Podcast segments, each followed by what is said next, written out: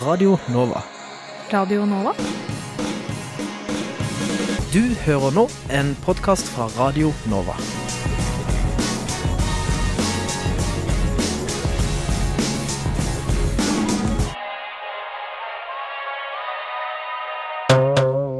Siden Siden Petter, Petter, Ja? Petter, det er meg, det er meg bestefar. ja, hva er det, bestefar? Bestefar er jo kl- knipe, Petter. Bestefar har havnet i knipe, Petter. Eh, Hva, hva er det for noe skjedd nå, bestefar? Best, bestefar har tapt sjelen til djevelen, Petter. Hva? Hvordan da? Tapt den beste sjelen sin til djevelen, Petter. Hva er det jeg må gjøre, bestefar? Pe Petter, meg, din bestefar, Donkey Kong Kval, har tapt sjelen til, til djevelen, og du må slå djevelen inn. Du, du må Rocket League på computeren, Peter. Du må spille Rocket League, og du må vinne mot djevelen, Peter, for sjelen min. Det skal jeg klare, bestefar. Ja. Kom igjen. Du klarte det, Peter. Du er verdens beste dataspiller innen Rocket League. Og nå er skjelven endelig fri.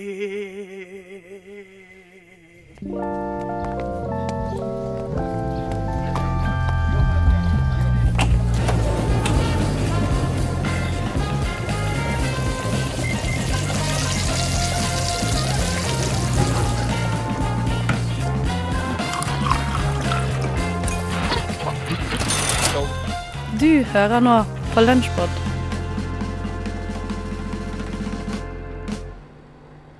F R. O K O S. T Frokost! Jeg har jo sett veldig mye på uh, Hitchcock-filmer og jeg har sett på Twin Peaks og True Detective i det siste. Så tenkte jeg, Ja. vet du hva?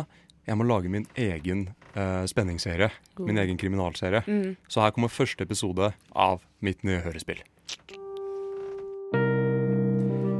Hotell Pandemonium.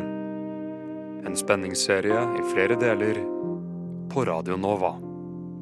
Episode 1 Den grønne svane.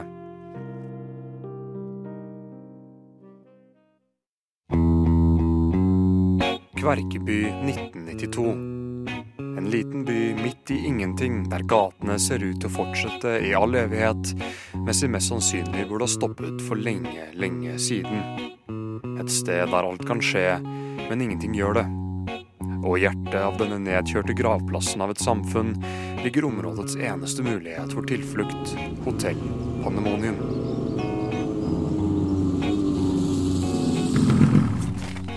En drosje ruller inn på plassen, og utstiger vår helt, privatetterforsker Arve Kvisthaug. En mann som kanskje sliter litt på privaten, men som er jævla flink i jobben sin. Vi følger ham inn i hotellets resepsjon.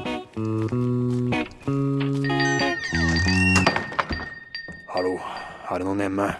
Ja, hallo. Velkommen til Hotell Pandemonium. Mitt navn er resepsjonist Lirestad. Hvordan kan jeg hjelpe dem?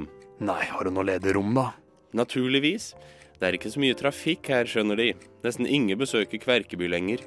Ikke siden den forferdelige ulykken i 84. Men det er alltid noen som kommer innom, spesielt for å se på hotellets store stolthet, Den grønne svane. En meget verdifull smaragd og hotelleier Mr. Ferdinand Erebos aller viktigste eiendel. Kan du ikke se at jeg ikke bryr meg om hva du snakker om? Ja, naturligvis. Hva sa de navnet var igjen? Arve Kvisthaug. Ja, og hva bringer så dem til byen? Jeg ble drevet på flukt. Fra hvem, om jeg tør spørre? Fra meg sjæl. Men hør her, cowboy. Jeg trenger et rom, ikke en psykolog. Og hvem har vi så her? De to blir avbrutt av Trine Erebos, Mr. Ferdinand Rebos' datter og hotellets enarving. En farlig, vakker kvinne med en skarp framtoning og en myk silhuett. Det flommende, røde håret danser rundt henne mens hun glir nedover trappene og mot resepsjonen. Ah, frøken Erebos. Dette er privatetterforsker Kvisthaug. Han er kommet til byen for å rømme fra seg selv. Privatetterforsker? Det har vel ikke blitt begått en forbrytelse? Ikke så vidt jeg vet, men jeg er ikke her på jobb. Han strekker ut en hånd mot den vakre sirenen i trappen. Arve Kvisthaug. Trine, jeg begynte å bli litt urolig. Det skjer jo aldri noe her i Kverkeby. Men jeg føler meg trygg av å vite at vi har en sterk, kjekk privatetterforsker på huset. Hun blunker flørtende mot Kvisthaug og gir ham et slengkyss. Kvisthaug drar opp en sigarett og plasserer den i munnen, før han sender en lighter. Unnskyld, de kan ikke røyke her inne. De må gå ut i rosehagen. Han grynter kort før han slukker lighteren og trasker tungt mot døra. Lyrestad og Trine er alene i resepsjonen. Hvorfor ser du så rart på meg? Jeg så hvordan du flørtet med han. Hold deg unna Kvisthaug. Og hvorfor det? Om jeg tør spørre? Han trenger ikke en som deg akkurat nå. Kan du ikke se at hjertet hans er knust? Han er som et skall av en mann, og du kommer til å bruke ham og kaste ham vekk som en gammel pizzaeske, som du alltid gjør. Jeg spiser ikke pizza. Men du spiser menn. Det stemmer. Til frokost, lunsj og middag. Men det verste av alt, frøken Erebos, er din kalde, sleipe kynisme. Og Å, vær så snill, Trine. Alle vet at du hater faren din, hotelleieren, Mr. Ferdinand Erebos, og at du ikke kan vente til du er kvitt han, så du endelig kan ta over hotellet og rive det, så du kan bygge et gigantisk kjøpesenter i stedet. Men jeg skal ikke la det skje. jeg aner ikke hva du snakker om. Plutselig ringer telefonen. Hallo? Jaha? Å. Nei, virkelig. Det kan du da ikke mene. Så forferdelig. Hva er det? Det var din far, Mr. Ferdinand Erebos. Han er rasende. Jeg, jeg må snakke med Kvisthaug. De to løper ut døren og ut i rosehagen. Der står Kvisthaug, omringet av torner og sigarettrøyk, badende i den blodrøde ettermiddagssolen. Hva faen er det nå, Lirestad? Det er den grønne svane, Kvisthaug. Den er forsvunnet. Hotell Pandemonium. Følg med på neste episode på Radio Nova. Da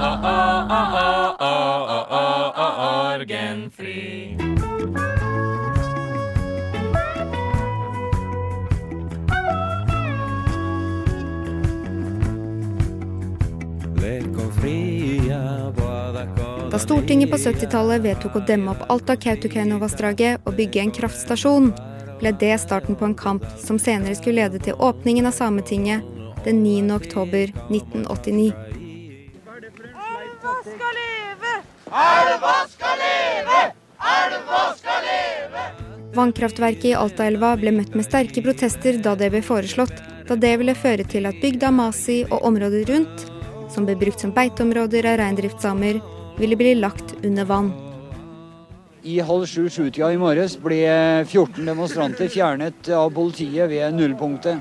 Samtidig rykket et trettitalls demonstranter fram en del hundre meter uh, innenfor nullpunktet, og nå går da politiet til aksjon mot disse.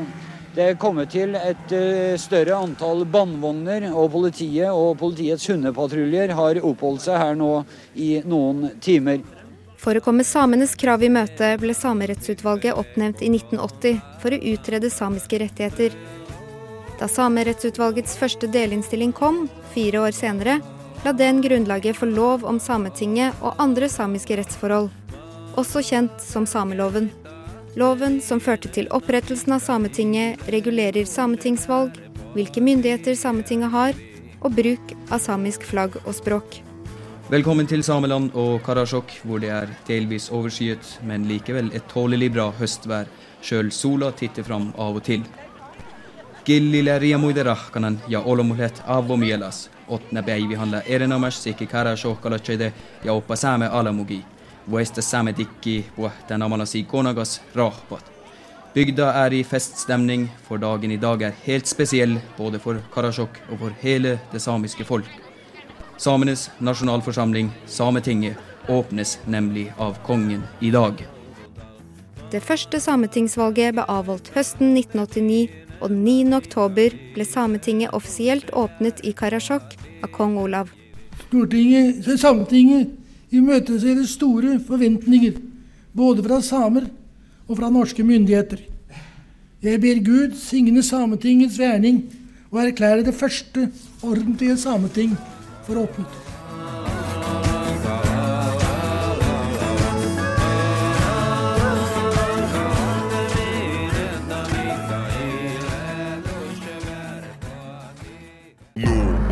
Du hører på Studentnyhetene. Studenttilværelsen kan være både skummel og vanskelig, men det finnes heldigvis gode tilbud dersom disse følelsene blir uoverkommelige. Jeg tok turen til SIO helse for å lære mer om hva man kan gjøre om man opplever psykiske utfordringer. Jeg heter Anne Karin Møllalli, og jeg er leder på SIO helsesentrum og er psykologspesialist. I SIO psykisk helse så har vi psykologer, psykomotoriske fysioterapeuter og psykiatere. Det er gratis å få behandling fra psykisk helse. Dette er på et vis et litt sånn eksklusivt ekstratilbud for studenter. Hvordan går man egentlig fram hvis man ønsker å benytte seg av dette tilbudet? Da er det bare å ringe 22 85 33 00, og da får du et tastevalg. Og hvis du er interessert i å komme til en psykolog, så taster man da psykisk helse. Og da får du valg mellom enten Blindernklinikken eller Sentrumsklinikken. Er studenter spesielt utsatt for psykiske utfordringer? Studenttilværelsen er på et vis en litt sårbar periode. Det er en overgangstid. Og vi vet at gjennom en rekke studier nå, så har studenter rapportert om et større symptomtrykk enn befolkningen ellers. Det jeg ser er at det har vært en økning over de siste fem årene. Og bare fra i fjor til i år har vi fordoblet antallet inntaksvurderinger. Og det handler nok om det at vi nå passer på å få den gjort veldig fort. Så det å komme inn i løpet av en uke gjør nok at vi har et mye mindre frafall enn det vi har hatt før. Når det gjelder eh, antallet som har startet opp i behandling hos oss, så har vi også sett en jevn økning. Til slutt så lurte jeg på om Anne Karin hadde noen tips til studenter for å gjøre studietiden lettere. Det å avklare hva som er forventningene til studiet, så godt du kan. Fra læreren, vær modig med å spørre. Et viktig råd også er det å være modig og åpen i møte med andre studenter. Ta initiativ, for det er mange som er både ensomme og engstelige. Du er ikke alene. Tusen takk til Anne Karin Mulali. Dersom du ønsker mer informasjon om hva SIO helse tilbyr, gå inn på nettsiden sio.no helse. Den femte statsmakt. Radiotennis. Er vi live? Kjører vi? OK. Jeg står nå på Majorstuen i Oslo, hvor en enorm menneskeskikkelse er i ferd med å rasere hele området. Og nå virker det som om skikkelsen beveger seg mot Chateau Neuf, hvor bl.a. lokalene til Radio Nova befinner seg.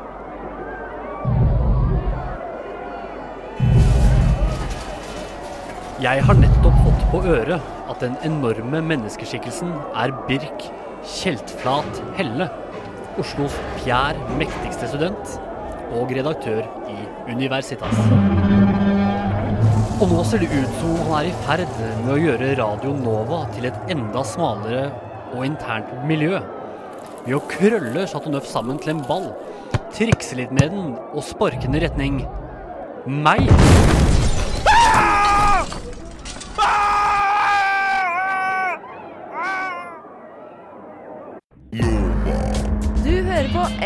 Eget rom på Radio Nova. Det sies at i krig og kjærlighet er alt tillatt. Det er jo juridisk sett ikke sant, for til og med i krig finnes det klare regler over hva som er lovlig. Men det betyr jo absolutt ikke at disse lovene følges. I krig finnes det i praksis ingen regler. Samfunn beveger seg over til det anarkiske, og i en sånn tilstand tar folk i bruk de verste metodene man kan tenke seg. F.eks. grov seksualisert vold. Å bruke voldtekt som våpen er noe som rammer både kvinner og menn, og bakgrunnen og hensikten for overgrepene er ofte veldig lik.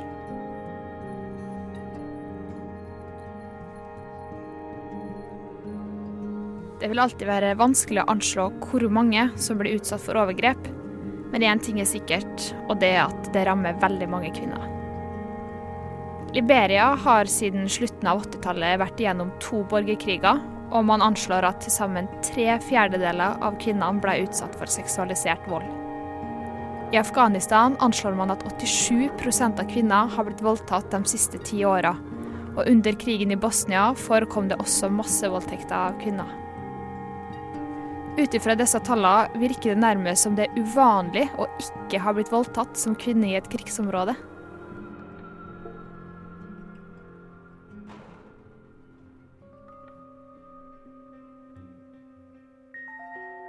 Bakira Hasekik er ei bosnisk kvinne som sjøl ble voldtatt under krigen, og hun ble også tvunget til å se sin egen datter bli voldtatt. I etterkant av krigen har hun jobba aktivt med å få de mange overgriperne dømt. Hun mener at voldtekt brukes som en strategi for å føre kvinner ut av landet de kommer fra, og sørge for at de ikke vil komme tilbake. Å skulle reise tilbake til landet du ble utsatt for grove overgrep i, og i tillegg risikere å møte overgriperen din, er uaktuelt for de fleste. Etnisk rensing er ofte et veldig viktig element i krig. Å gjøre kvinner gravid kan være en måte å sørge for at de riktige genene og etnisitetene blir videreført. Det brukes også som en politisk strategi for å bryte ned en bestemt gruppe mennesker. F.eks. den bosnisk-muslimske delen av befolkninga under Serbias krigføring i Bosnia.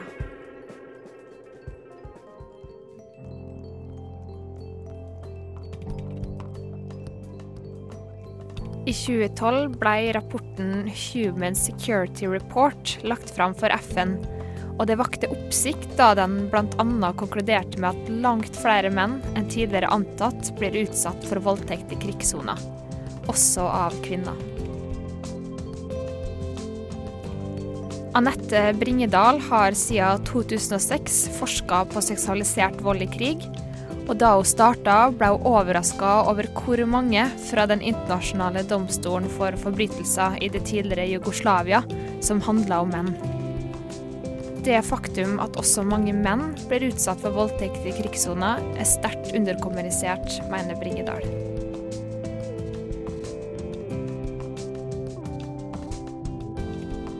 For å forstå hvorfor voldtekt er et så vanlig virkemiddel i krig, er det viktig å se på det maskuline idealet. Anette Bringedal bruker uttrykket 'militarisert maskulinitet'. I krig blir alt ekstremt, også det maskuline idealet. Det å hevde seg som en sterk, lojal, kampvillig og heteroseksuell mann er ofte et viktig ideal for soldatene. Å illustrere at man lever opp til dette idealet, kan skje ved å f.eks. tvinge mannlige fanger fra en annen etnisitet til å utføre oralsex på hverandre foran medsoldater og medfanger. Da påtvinger man menn fra denne etniske gruppa homofile og feminine assosiasjoner. Voldtekt av menn er altså en måte å demaskulinisere og ydmyke dem på.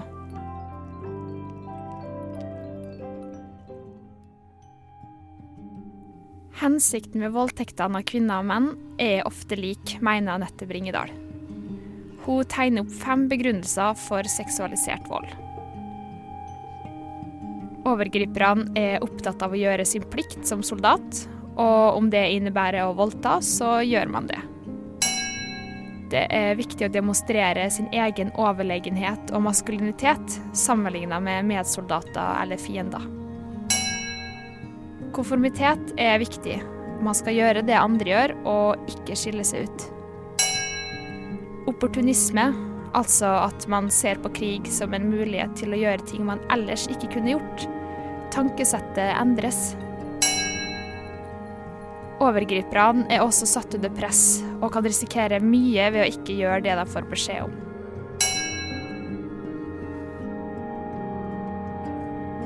Selv om hensikten med voldtekter i krig ofte er den samme, så finnes det noen forskjeller mellom overgrep av kvinner og overgrep av menn. Overgrep av kvinner blir ofte redusert til en seksuell handling. Litt sånn ja, men det var jo bare sex. Det ser man sjelden i overgrep hos menn.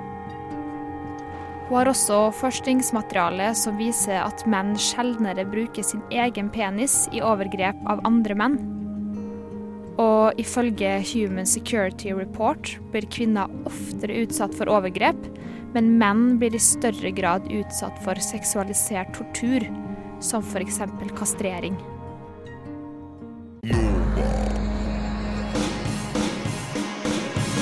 Du har hørt en podkast fra Radio Nova. Likte du det du hørte? Du finner flere podkaster i iTunes og på våre hjemmesider radionova.no.